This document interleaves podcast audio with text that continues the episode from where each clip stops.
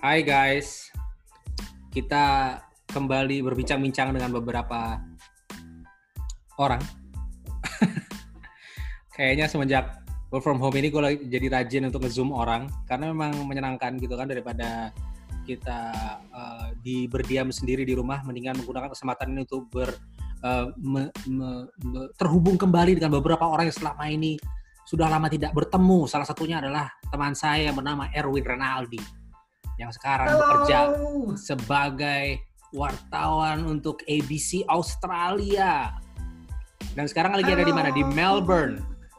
Ya kan? Yes, betul. Hello. Good Yes. evening from Melbourne, Bayu Sugarda. How are you today? Good day, mate. Anjay. Anjay. How's it going, mate? Yeah, for sure, mate. Yeah, for sure. No Yeah, problem at yeah. all. Yeah. So there's a lot of roundabout in Melbourne, right? Roundabout, right? You go with the car and then you put things in the boot, right? And then you take those things out of the boot, right? And ini then you ini go. sebelumnya sebelumnya gue mau cerita dulu nih kalau Mas Bayu Sugarda ini dulu kita pernah kerja bareng di televisi di Indonesia namanya Astrawani ya Ya, dan sekarang sudah Bayu tidak. Sugarda ini adalah ya udah nggak ada Bayu Sugarda ini adalah produser tapi jauh sebelum itu gue memang sudah mengidolakan Mas Bayu ini. Anjay. CTI gue inget banget.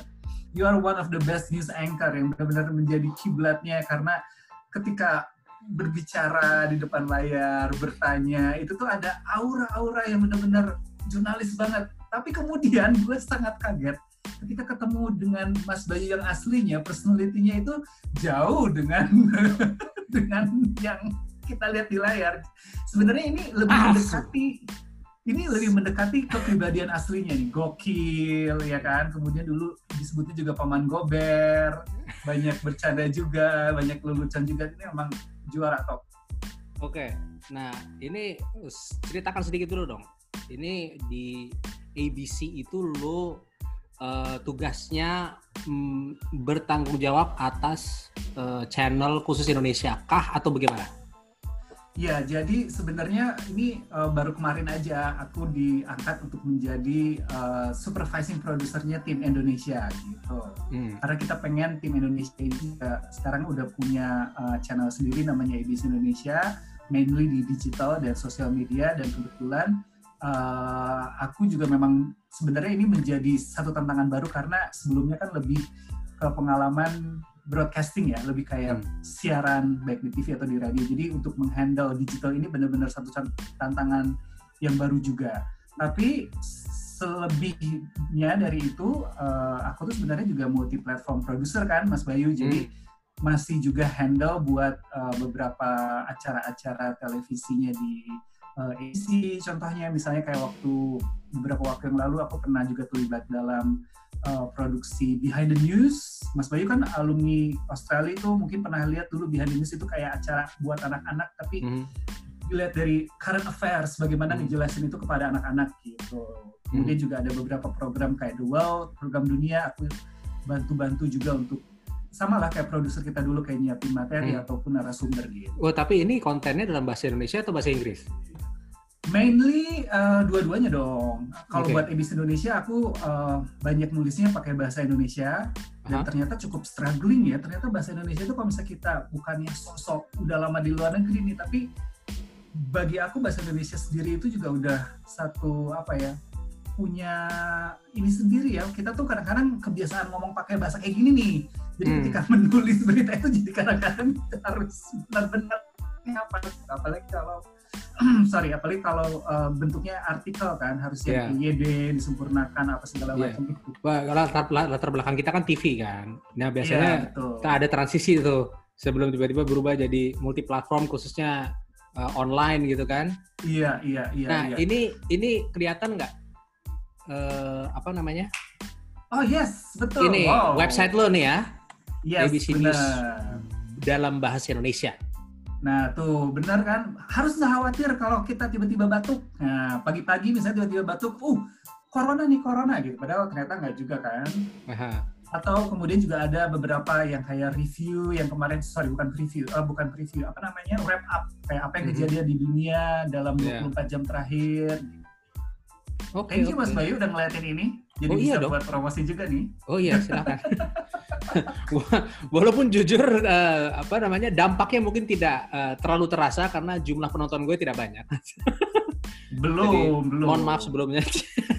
Jadi belum, belum. Uh, uh, Oke, okay. nah sekarang uh, ya kita kondisinya dalam keadaan yang tidak bisa keluar dari rumah, apakah ini mempengaruhi pekerjaan lo di sana sebagai wartawan atau gimana?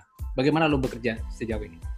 Jadi sebenarnya um, di ABC itu tuh sampai saat ini uh, bukan cuma di ABC ya, tapi pemerintah Australia itu kan sebenarnya uh, kalau dibilang lockdown tuh kita nggak bener-bener lockdown. Mungkin bisa lebih dibilangnya partial lockdown, setengahnya atau juga mungkin bisa dibilang lebih ke shutdown. Jadi lebih menutup. Service-service yang disebutnya itu adalah non essentials. Jadi intinya kalau sekarang ini Anda berada di Australia, hmm. hanya ada beberapa poin yang diperbolehkan untuk keluar rumah.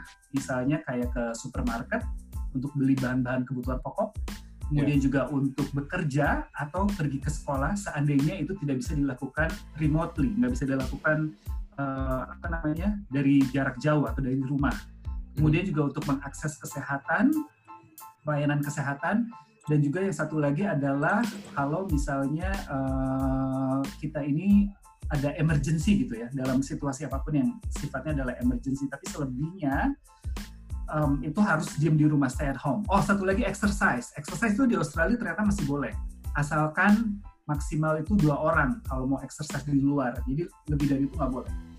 Nah, oh. sayangnya ternyata ABC ini itu bukan sayangnya dalam tanda kutip itu tuh kita termasuknya essential service karena uh, eh, ABC sendiri itu kan juga adalah hmm, dananya itu kan kita dibiayai dari taxpayer hmm. funded by taxpayer kan yang yeah, dikelola yeah. pembayar pajak. Memang, iya pembayar pajak. Jadi kita memang harus tetap uh, memberikan layanan terkini, informasi terkini, baik itu dalam bahasa Inggris ataupun juga buat komunitas diaspora Indonesia lewat ABC Indonesia misalnya, atau buat Indonesian speakers in general, buat penonton-penonton yang ada di Indonesia. Jadi itu kita termasuknya essential service. Cuman masalahnya kita juga nggak mau uh, waktu itu aku dikasih tahu sama managing directornya adalah kita nggak mau kemudian di gedung itu terlalu banyak orang juga karena itu juga nggak benar juga kan karena kita nggak pernah tahu uh, di rumah atau di jalan atau di tram atau di transportasi umum lainnya kita tuh berinteraksi dengan siapa kan yeah. jadi tetap untuk flattening the curve mm-hmm. yakin juga ini di Indonesia udah banyak kan kayak istilah-istilah yang flattening the curve supaya mengurangi beban uh, apa namanya pelayanan kesehatan masyarakat dan juga untuk mengurangi penularan uh, penyakit COVID ini adalah dengan sebisa mungkin kita nggak terlalu berinteraksi dengan orang lain. Jadi okay. akhirnya ada pilihan lah kita untuk bekerja dari rumah. Okay. Dan itu prosesnya sebenarnya cukup complicated ya, tapi aku merasa oh. mengacungkan jempol sih.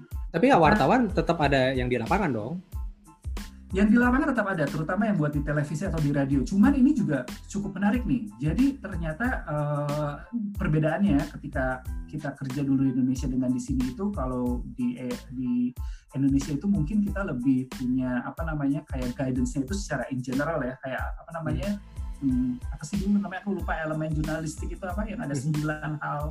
Oh, news judgment. Siapa, oh news God. judgment, ya, is it? Hmm uh, iya dan dan juga cara-cara kayak apa yang bisa diliput apa yang enggak gitu kan. Nah, oh, iya, iya. kalau ABC ini memang ada departemennya sendiri nih Mas Bayu yang dia itu ngurusinnya editorial policy. Hmm. Ini benar-benar kenceng banget. Nah, semenjak ada COVID ini, editorial policy-nya itu di di apa namanya di uh, di tailor apa istilahnya sih kayak di, di, di lebih diperbaiki disesuaikan, lagi, disesuaikan ya. ya menyesuaikan dengan keadaan sekarang. Jadi kalau misalnya kita mau wawancara ini ada listnya lagi tambahan harus ngelihat dulu narasumbernya dia pernah keluar negeri atau enggak. Hmm. kemudian dia pernah kontak dengan yang positif positif atau enggak. Kayak hmm. gitu. Jadi kalau misalnya ternyata ada ada beberapa indikator katakanlah ada lima duanya adalah iya pernah atau iya pernah. Nah itu tuh kita nggak bisa lagi interview dia. Kita harus melakukan lewat Skype. Gitu. oh iya iya, iya. oke okay, I see. Ya, jadi narasumber itu juga paling aman sekarang narasumber ya mau nggak mau lewat Skype ya atau lewat Zoom kayak seperti ini. Um, it's very rare untuk kemudian bisa dapetin apa namanya narasumber yang langsung datang ke studio itu wah itu pasti screeningnya akan banyak kecuali kalau iya. itu lebih kayak statement pemerintah hmm. kayak misalnya press conference itu pun juga ada social distancing apa sorry physical distancing itu loh karena di Australia hmm. sekarang harus 2 meter 2 meter buat ternyata bukan yeah, 1,5 yeah, yeah. yeah. udah dinaikin udah, lagi udah udah dinaikin lagi Iya, tapi ini juga di Australia itu ada alasannya kenapa dinaikin. Jadi ternyata ini tuh agak-agak mirip. Aku ingat banget waktu itu pernah ada berita di Indonesia itu tentang bagaimana orang-orang uh, eh, berlibur kan. Mm-hmm. Iya kan? Nah ini yeah. sebenarnya kejadian juga di Australia. Jadi jangan salah loh, meskipun ini adalah negara barat yang kita anggap sebagai negara yang maju, berpendidikan tinggi, enggak juga. Contohnya adalah ini di mantan kotanya Mas Bayu nih, uh, Sydney. Dulu kan sekolah oh, di yeah. Sydney kan? Sydney, yeah. yeah di situ itu kan ada Bondi Beach. Iya. Yeah. Pernah ada satu masa uh, cuacanya itu lagi enak banget karena kita kan lagi transisi dari summer ke winter ya, lagi yeah. spring nih. Hmm. Cuman waktu itu lagi hangat di Sydney memang Sydney kan in generally memang dia lebih hangat daripada yeah. bagian lain.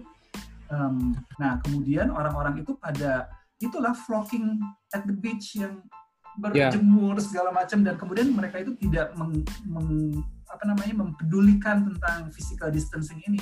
Yeah. Makanya akhirnya dengan Jumlahnya pemerintah naik. Iya, dan dengan pemerintah itu akhirnya dinaikin lagi yang tadi itu 1,5 meter jadi 2 meter. Dan gak yeah. cuma itu akhirnya gara-gara itu sekarang itu semua pusat rekreasi itu ditutup. Jadi nggak boleh lagi. Ya, ini gue kebetulan ada temen yang ada di Australia. Nah ini uh, data yang dia dapat kalau bisa dilihat ini kalau nggak salah sekitar Sydney ya, Newcastle ya kan, Wollongong, ya, ya. New South Wales ya. Iya, di, berarti di negara bagian New South Wales itu Lake Macquarie. Nah kalau memang dilihat yang paling nih, banyak di New South Wales memang. Sydney bener. 76, terus hmm. abis itu ada Waverly sampai 116 dan Waverly sama Sydney itu kan uh, ada pantainya. Yeah. Jadi memang uh, ya bisa kelihatan di sini memang ya. Hmm mungkin anak-anak muda juga ya kan merasa dia aktif di luar sehat akhirnya mungkin masa sih gue bisa iya. ketularan flu gitu. Memang kalau kita ngelihat dari analisanya itu anak-anak muda itu karena gimana ya anak-anak muda zaman sekarang itu mungkin juga mereka lebih kayak kalau aku melihatnya di Australia ini sebenarnya mereka itu kan Australia itu nanny state pernah ingat nggak ada istilahnya itu Australia nanny state. Uh, kenapa disebut nanny state? Minister itu soalnya gini, kalau misalnya nggak ada peraturan tuh orangnya bisa seenaknya dan oh. Oh, Australians iya, iya. they are very laid back kan, mereka tuh sangat yeah. laid back banget, jadi dan mereka tuh nggak senang dikekang. Sebenarnya it reminds me, it reminds me a lot of about people that I know of, that I know from when uh, since I was a kid. Warga plus 62 ya nggak sih menurut lo? Enggak, tapi sebenarnya itu tuh uh, Australia sama Indonesia tuh mirip-mirip. Kita tuh orangnya laid back, ya kan. Terus kalau misalnya ada peraturan tuh kadang-kadang juga yang belum tentu mau diikutin kan. Kadang-kadang kita malah ingin nantangin bahwa enggak kok ini apa namanya kita sebenarnya kuat kok apa segala macam gitu. Jadi itu juga kejadian sama anak-anak muda di sini sebenarnya itu hmm. mereka itu ngerasanya bahwa ngapain sih kita harus dengerin pemerintah kita kan sehat-sehat aja apa segala macam padahal mereka tidak menyadari mereka bisa jadi spreader virus ini gitu. Yeah tapi emang uh, kalau misalnya kondisinya kayak begitu, uh, yang dilakukan oleh pemerintah Australia selain meningkatkan uh, apa namanya distancing yang tadinya satu setengah jadi dua meter, hmm. uh, sampai sejauh membubarkan kerumunan anak-anak oh, muda banget. yang lagi ngumpul kah kayak di sini tuh kan yes. udah mulai tuh kayak gitu tuh. Iya, uh, aku ngelihatnya sekarang Australia itu yang tadinya sebuah negara yang sangat demokratis gitu ya, yang sangat menjunjung hak asasi manusia, biasalah standarnya negara-negara Barat kan apa-apa yeah. harus ngelihat dari sisi HAM, dari sisi yeah. HAM gitu kan. Hmm, hmm. Nah aku ngelihatnya itu sekarang itu Australia tiba-tiba berubah menjadi negara yang apa ya? Gue nggak berani ngomong negara yang depannya dari K sih. tapi tapi itu yang kejadian, itu yang kejadian. Oke. Okay. Nah, kenapa kenapa lo sampai akhirnya menyimpulkan bahwa ini uh, Australia sudah bergerak ke arah sana kenapa indikator-indikator apa yang lo uh, karena gue melihatnya itu ingat waktu Wuhan pertama kali lockdown hmm. ingat nggak itu kan yeah. benar pemerintah Cina dengan gaya komunismenya itu eh keluar katanya ya yeah. dengan gaya komunisnya itu kan benar-benar yang apa namanya uh, apa cracking down buat iya. masyarakatnya yeah. itu kan luar biasa kan? Iya, yeah, sampai ada, ada pemantauan pergerakan massa yes, di luar sana yes. menggunakan CCTV. nah, itu Mas Bayu sekarang udah mulai kelihatan tuh di Australia. Jadi sekarang itu ada fine, ada denda. Hmm. dendanya itu minimal at least seribu karena sekarang itu uh, pokoknya kalau kita mau keluar maksimal itu dua orang hmm. baru tadi siang aku melihat dari uh, uh, apa namanya uh, Facebooknya kepolisian di Sydney itu tuh mereka bilang kita baru uh, nangkep nih ada satu mobil isinya tiga orang dan mereka itu ternyata nggak tinggal satu rumah mm ya kan? Yeah. Nah itu kan nggak boleh kan? Akhirnya kan ada denda, dendanya itu mereka dapat sampai 1.500 per orang. Oh. Bayangin, itu per orang. Jadi memang sekarang itu mulai dari denda yang makin kenceng, kemudian juga polisi yang suka patroli, itu tuh uh, ya jadi hal yang yang yang biasa sekarang di Australia ini. Jadi kita benar-benar kayak di di dimonitor juga gitu akhirnya. Ya tapi kan nggak kayak di Filipina kan? Kalau di Filipina mau ditembak. Ditembak mati. ditembak mati, ditembak Bo. mati. OMG. Iya, iya kan? benar benar benar benar benar. Tapi sebenarnya gimana ya? Aku ngelihatnya ini tuh uh, himbauan-himbauan kayak gini emang tergantung dari kultur, kemudian juga dari tingkat pendidikan. Um, soalnya kalau kita ngelihat kayak di kayak di apa ya kayak di Wuhan contohnya. Itu kan orang-orang ketika dikasih tahu ya mereka nurut langsung. Karena memang udah terbiasa dengan gaya aktornya pemerintahan Cina gitu. Termasuk yeah. juga kayak kemarin aku cerita sama teman yang dia asalnya dari Kuwait. Mm-hmm. dan ternyata di negara-negara Arab itu kan kita juga tahu kan negara Arab itu kan negara yang sangat-sangat juga cukup diktator juga sebenarnya kan. Maksudnya nggak terlalu iya iya iya. Kan? Iya kan? jadi uh ada otoritarian, otoritarian. Ya. Iya, otoritarian ya. Jadi mereka juga akhirnya memang uh, lebih ngerasa takut juga kalau harus um, keluar. Jadi memilih lebih diam di dalam tapi sebenarnya bukan takut karena virusnya mungkin takut pemerintahnya kali kalau gue rasa sih gitu. Nggak, tapi gue lihat lu di Instagram masih sempat keluar-keluar naik sepeda nih. Oh, kalau naik sepeda, oh my god, please Oh my god, no, no, no, no, no, no, no, no, no. How, how to shut it down? How to shut it down? no, you can't because it's, uh, the control is uh, from my end. no, please, no. Tapi ini ini ada alasannya, Mas Bayu. Ini ada okay. alasannya loh. Kenapa gimana, gimana? yang sisanya nggak ada, ini nggak ada. Itu masih zaman zamannya waktu aku ketemu sama Obama itu kita belum ada physical distancing. Oke, okay, oke, okay, oke, okay, oke. Nah, jadi gimana? itu kalau misalnya exercise itu uh, Mas Bayu Oh yang tadi lo bilang masih boleh exercise. Masih boleh asal cuman uh, maksimal berdua. Dan aku okay. mikirnya gini kalau sepeda itu pertama gue nggak turun dari sepedanya, jadi bener-bener naik sepeda 5 km dan bener-bener nggak nggak apa namanya nggak turun, nggak melakukan kontak atau segala macam. Cuman yang jadi masalahnya kemarin itu gue jadi trauma juga Mas Bayu karena ketika lagi sepeda itu uh, itu weekend kalau nggak salah. Hmm. ya lagi weekend. Itu tiba-tiba taman itu penuh dengan orang-orang yang oh. lagi jogging bawa anjing oh, gitu. iya. Terus ya karena exercise orang, boleh kan? Ya, everybody goes boleh. Cuma akhirnya jadi ya. masalah. Ya dan kemudian itu orang-orang itu mulai bersin. Nah oh. itu yang gue pikirin. Mulai bersin kayak eh, batuk-batuk apa segala macam. Dan gue yang waduh ini apa? Lupa nih. Tapi kalau nggak salah pernah baca bahwa virus itu tetap bisa travel kan, dia yeah, bisa yeah, bergerak. Yeah. Karena yeah. akhirnya semenjak itu gue yang wah ini benar-benar mungkin kalau keluar kita harus pakai masker kali ya. Apalagi iya. kemarin yeah. ingat nggak WHO udah ngeluarin himbauan baru bahwa lebih baik orang kalau keluar pakai yeah. masker. Padahal yeah. tadinya sebelumnya masker itu cuma buat yang sakit. Buat kan? yang sakit ya, yeah, right. Betul. Karena mereka udah ganti, udah ganti uh, imbauannya, imbauannya. Iya, jadi dia droplets, tetap lewat droplets. Hmm. Cuman hmm. dropletsnya hmm. itu uh, bisa bertahan di udara selama berapa lama gitulah kurang lebih. Nah itu yang yeah. Uh, pada akhirnya sekarang uh, mengubah kebijakan WHO itu. Gitu, iya betul. Terus ini juga ada satu yang paling menarik nih yang mungkin juga ditanya sama teman-teman Indonesia. Uh, kalau misalnya teman-teman Indonesia ngerasa um, antara pemerintah pusat dengan pemerintah daerah yang kemudian kayaknya komandonya tuh nggak nggak satu hmm. apa namanya mm-hmm. dia not on the same page kan yeah, itu yeah. sebenarnya kejadian juga di Australia okay. tapi memang di Australia itu kan karena negara bagian jadi tiap-tiap negara bagian itu punya kebijakan sendiri-sendiri kan mm-hmm. jadi yeah. uh, sampai saat yeah. ini tuh udah negara bagian uh, Western Australia mm-hmm. dengan ibu kota Perth kemudian uh, Queensland dengan ibu kota Brisbane, kemudian Tasmania dengan ibu kota Hobart, mm-hmm. kemudian uh, Northern Territory mm-hmm. yang ada kota Darwinnya itu mereka udah menutup perbatasannya. Jadi nggak cuma buat orang dari luar negeri, tapi dari negara bagian lain mereka udah nggak mau. Mereka udah nutup. Mm, okay. Cuman Victoria, di mana Melbourne berada dengan New South Wales dengan ibu kota Sydney yang sampai saat ini